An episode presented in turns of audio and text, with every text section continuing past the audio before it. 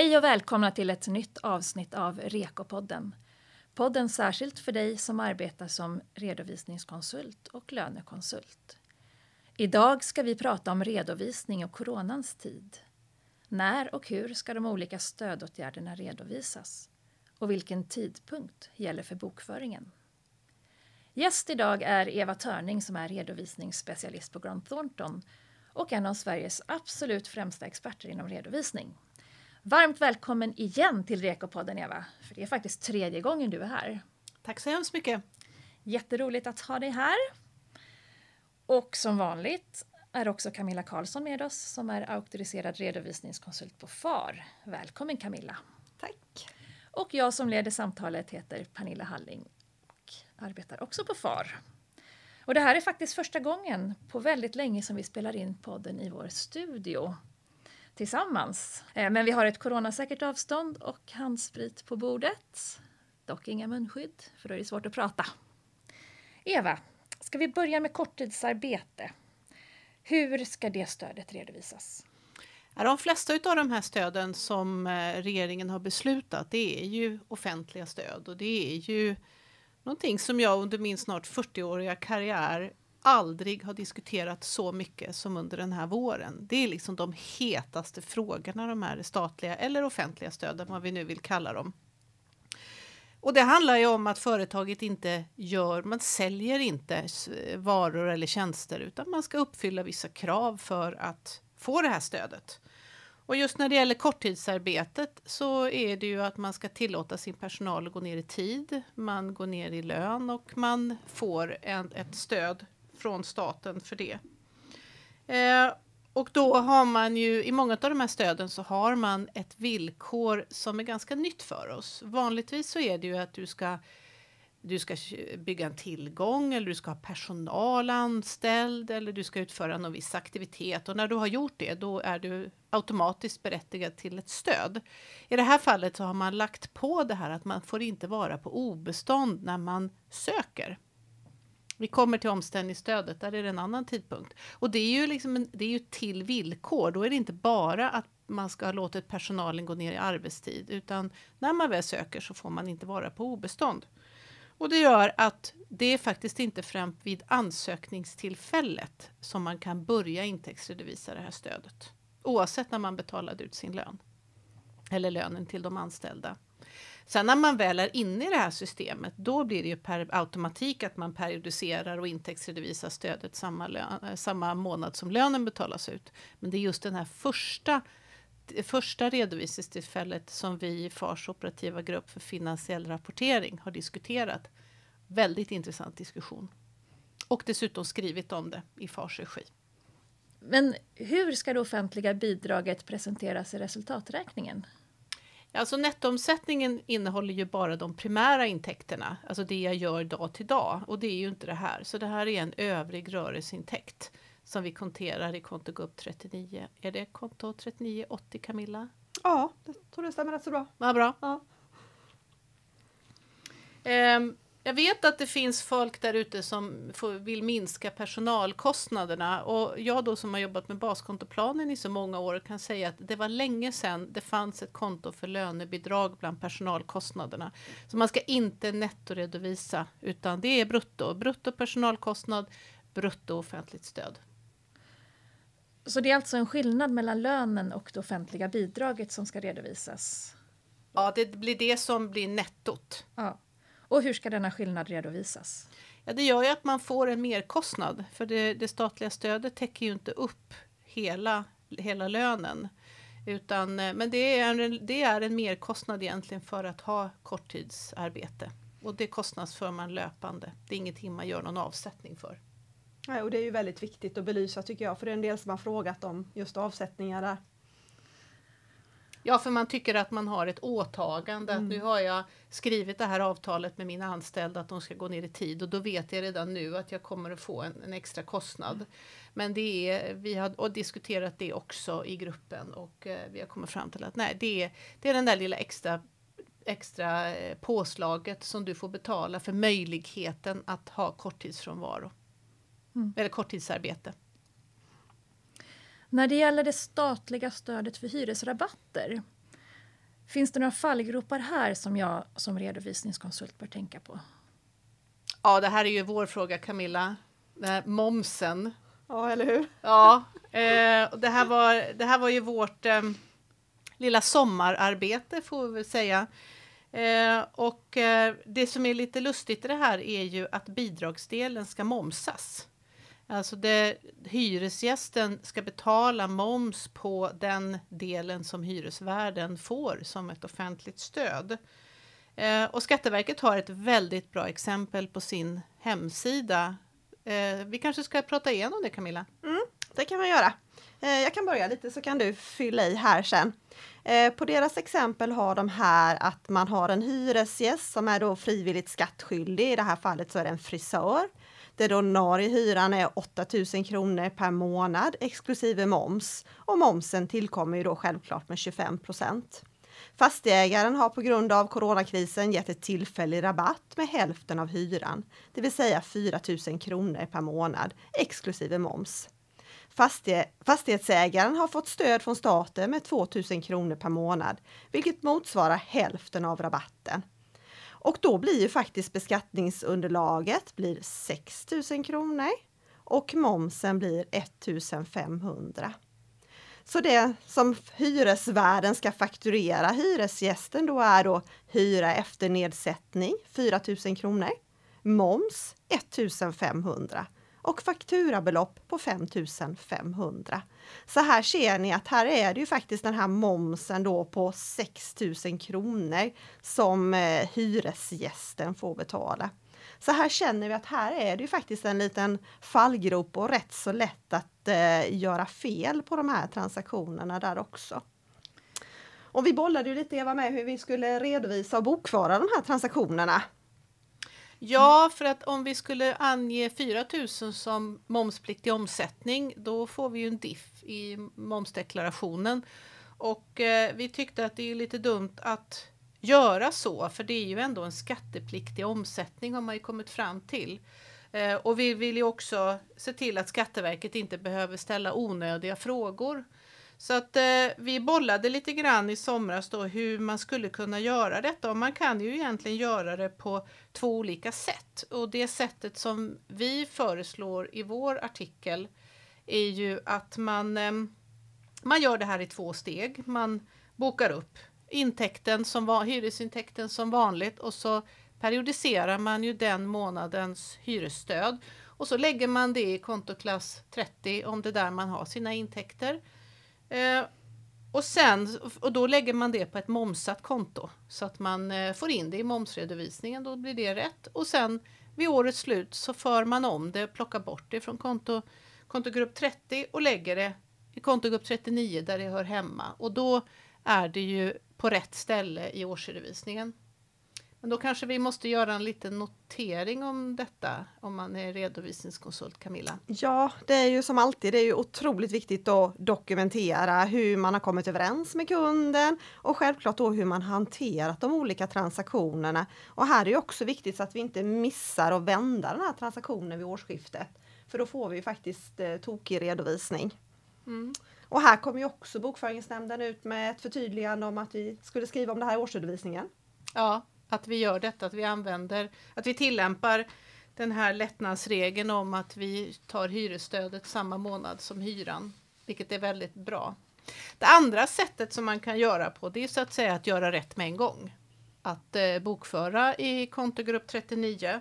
Men för att man då ska få in det här i momsredovisningen så måste man ju då manuellt göra en omföring och så säger jag göra en debet kreditbokning i kontogrupp 30, det vill säga att man lägger krediten, intäkten på ett momskonto eller momsat konto och debet på ett konto som inte är momsat. Då får du ingen effekt i resultaträkningen, men du får in det i din momsrapport.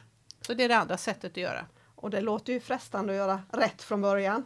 Men ja, vi upplever att det här sättet kan faktiskt bidra till följdfel. Mm. Så att, eh, men du som är medlem där ute kan ju göra på det sättet som du tycker är mest lämpligt för dig och passar bäst för dig. Huvudsaken är att det landar rätt i årsredovisningen och att du då har beskrivit att det är så här du gör. Men här är det också då, om man har missat att debitera momsen, måste man då göra om en faktura eller hur hanterar man det här om man har gjort fel? Att jag inte har debiterat de här 1500? Mm. Ja, och då den frågan fick jag väldigt tidigt i processen, så måste jag kreditera den här första fakturan och göra en ny faktura. Och dessutom var det ju ett helt kvartal då, för det här var ju kvartalsmoms. Och då sa jag att nej men, gör samlingsfaktura. Alltså en samlingsfaktura är ju att man samlar transaktioner som är av samma art. Och så länge som man beskriver vad det är man ändrar eller rättar. Och i det här fallet så är det, var det ju då tre fakturanummer där man då lägger till momsen. Eh, och då gör man bara en tilläggsfaktura på själva momsen.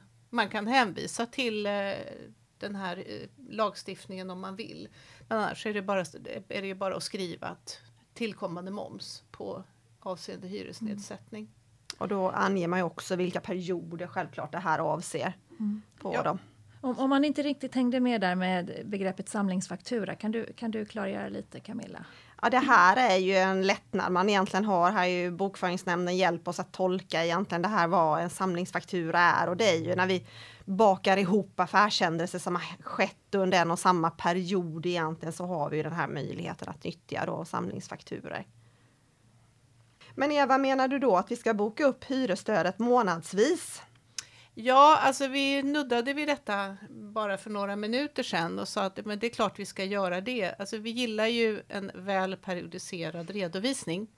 Eh, Bokföringsnämnden kom i juni ut med ett allmänt råd där man säger att det är helt okej okay att boka upp det här hyresstödet samma månad som man betalar eller erhåller hyran. Anledningen till att de gör det är att Oavsett om man är i K2 eller K3 så står det att man ska, eh, man ska redovisa leasing linjärt. Och att redovisa leasing linjärt, det innebär ju att man bokför och red, redovisar i red, resultaträkningen samma belopp varje månad. Eh, ni vet när ni har den här första förhöjda leasingavgiften som är ett av de mest sökta orden i Redovisa rätt i FAR online kan jag bara berätta. Mm -hmm. eh, då lägger ni upp den som en förutbetald kostnad och sen periodiserar ni ut den över återstående tid. Om man då skulle ta det resonemanget oavsett om man är i K2 eller K3 på de här hyresrabatterna, då skulle man ju smeta ut hyresrabatten över återstående, återstående leasingperiod. Och då uppnår man ju inte den effekten som staten vill, det vill säga att du ska se effekten i resultaträkningen den månaden som hyran avser. Och det här är en lättnadsregel, man behöver inte tillämpa den. Vi rekommenderar att man gör det och Camilla sa, glöm inte upplysa om i årsredovisningen att du har gjort det. Så det du menar här är att om inte hyresvärden har fått hyresstödet så ska man boka upp det här som en uppluppen intäkt? Ja, det gör man. Ja. Så Men, man ska äh, inte glömma bort det och då får man ju också en mera rätt intäktsredovisning eller kostnadsredovisning i, hos hyrestagaren. Och det här gäller oavsett om jag är på balansdagen eller inte, om jag har ett bokslut? Ja, och ja. Du vill, alltså I sådana här tider så är det ju jätteviktigt att man kan följa verksamhetens resultat. Mm. Fast egentligen kan man ju säga att K2 och K3 pratar ju egentligen bara om årsredovisningen. Men du ska ju, det är ju ändå så att det är någonting du, det är ju en affärshändelse under året. Varje gång, varje månad egentligen. Så periodisera. Och när det gäller omställningsstödet då, eh, redovisning av omställningsstöd, vad är det som gäller här, Eva? Ja, det här är ju också sommarens stora händelse. Det är väl den andra utav sommarens stora händelser, för här har man ju då arbetat med de här frågorna under sommaren och Sista dagen är faktiskt inte idag, 31 augusti, utan det är faktiskt imorgon, 1 september och sen håller revisorerna på ett tag till. Det här är ju också ett statligt stöd och det är för att täcka eh, en andel av de fasta kostnaderna för att hjälpa företagen när, när omsättningen har gått ner. Så första prövningen är ju om omsättningen har gått ner tillräckligt mycket till följd av covid-19. Har den gjort det, då går man in och börjar titta på sina fasta kostnader och så gör man en förteckning över dem. Eh, och även här ska, ska den ju intäktsredovisas som, eh, alltså i kontogrupp 39. Här har jag märkt att vi har fått mycket frågor i medlemsrådgivningen just när man tittar på de här olika perioderna. För det är februari, mars 2019, februari, mars 2020. Eh, och vi har ju diskuterat periodiseringar tidigare och eh, förenklingsregler i K2. Här blir det lite problem har man insett. Ja, alltså vi vill ju alltid bokföra i rätt månad. Mm. Mm. Och rätt månad är ju februari-mars. Fast det är ju stängt sedan länge. För att aldrig kunna öppnas igen. Ehm, och, ehm, och i det här fallet så uppfyller man ju faktiskt inte, inte kravet för att få intäktsredovisa förrän man kan visa att man inte är på obestånd när Skatteverket prövar ansökan. Så här är det ju ännu lite senare. Och eh, jag vet inte vad ni har fått för frågor, men hos oss har det ju varit jättemycket att vad är en fast kostnad? Mm. Vad kan jag ta med? Vad är det som ska och, och, och vilken bedömning kommer Skatteverket göra? Det vet vi inte. Nej. Nej. Och det är ju det som är lite otäckt med när man inte när det inte har varit några rättsfall eller någonting. Det, Och därför Mm. så är det också väldigt svårt att säga någonting om vilket belopp man ska intäktsredovisa. Mm. Om man säger att nu har vi en prövning, vi vet att det prövas, eh, vi är inte på obestånd. Ja, men beloppet då? mm. Jättesvårt. Men Eva, hur ska man då, om du kan ge någon vägledning, hur ska man tänka då? Man får helt enkelt vänta tills man får ett beslut. Mm. Ifrån, eh, ifrån Skatteverket. Och eftersom man inte är på obestånd så är man ju inte i en kontrollbalansräkningssituation. Så att det är bara att, att göra, man kan göra en bedömning och när man tittar på sin redovisning.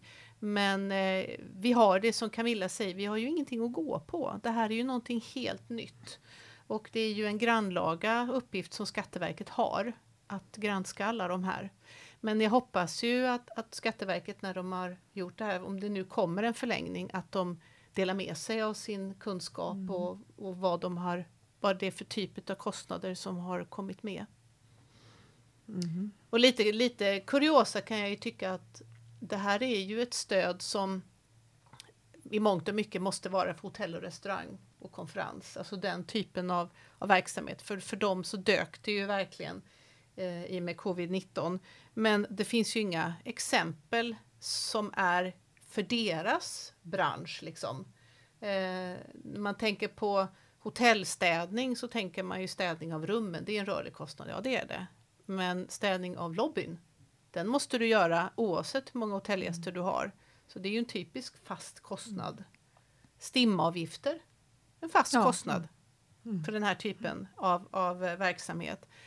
Ehm, mans, vakter på nattklubb, ja men det är en rörlig kostnad. För du måste ha, nattklubben måste ju vara öppen för att du ska ha en vakt där.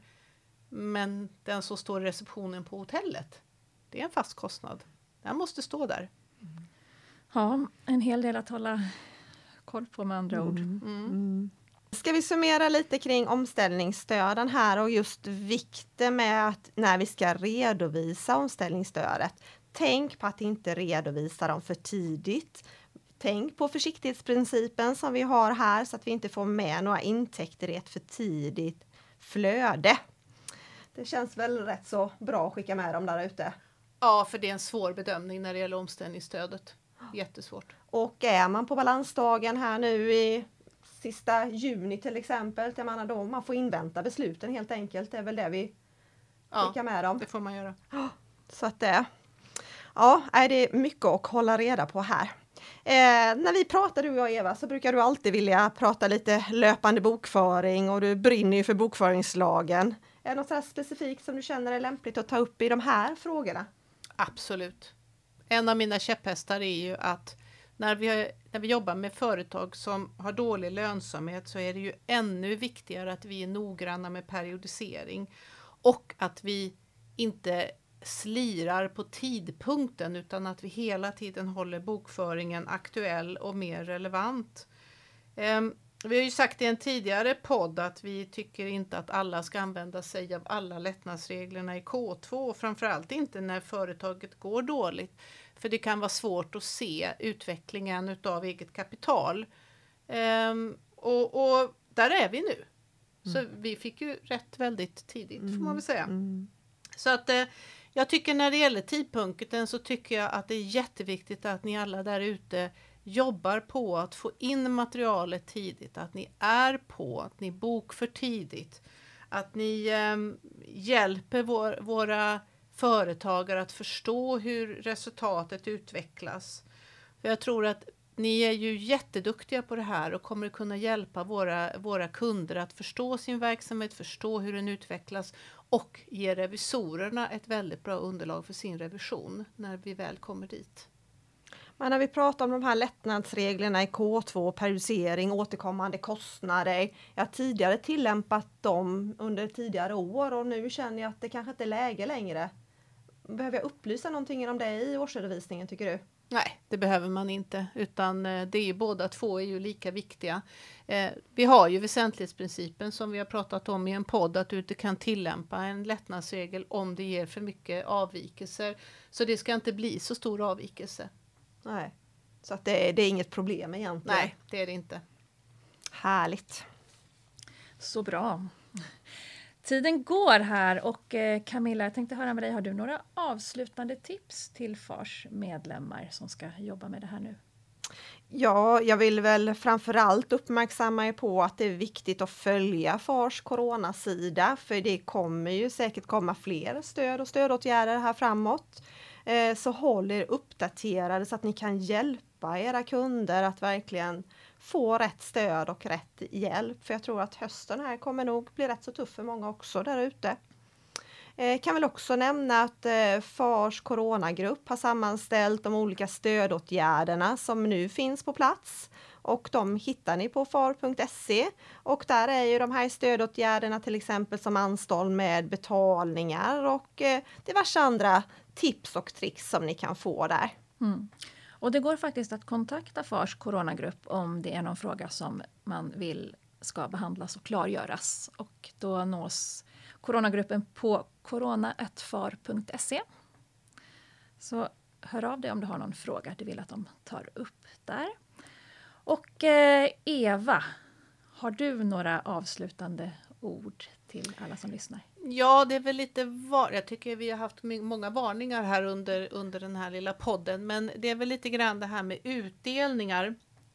Eh, att det är väldigt, väldigt viktigt att vi råder våra kunder att inte besluta om utdelningar och om det är utdelningar som är beslutade från tidigare år att man inte betalar ut dem. För när man betalar ut en utdelning då verkställer man den.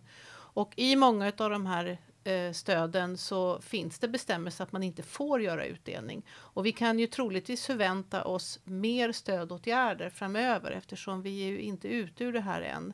Så att se till att man inte gör utdelningar.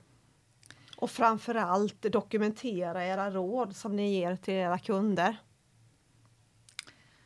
Det låter bra. Den varningen och, och de visdomsorden får avsluta den här podden. Stort tack Eva för att du är så generös och delar med dig av din kunskap. Jag är helt övertygad om att det är många där ute, många redovisningskonsulter och andra som funderar över de här frågorna och är oerhört tacksamma för vägledning och klargörande. Och lycka till alla ni som nu ska ta hand om de här frågorna och hjälpa Sveriges företag att göra rätt. Jag hoppas att ni har haft stor nytta av det här poddavsnittet. Tack så mycket Eva och Camilla. Tack. tack. Lycka till. Och tack alla ni som har lyssnat.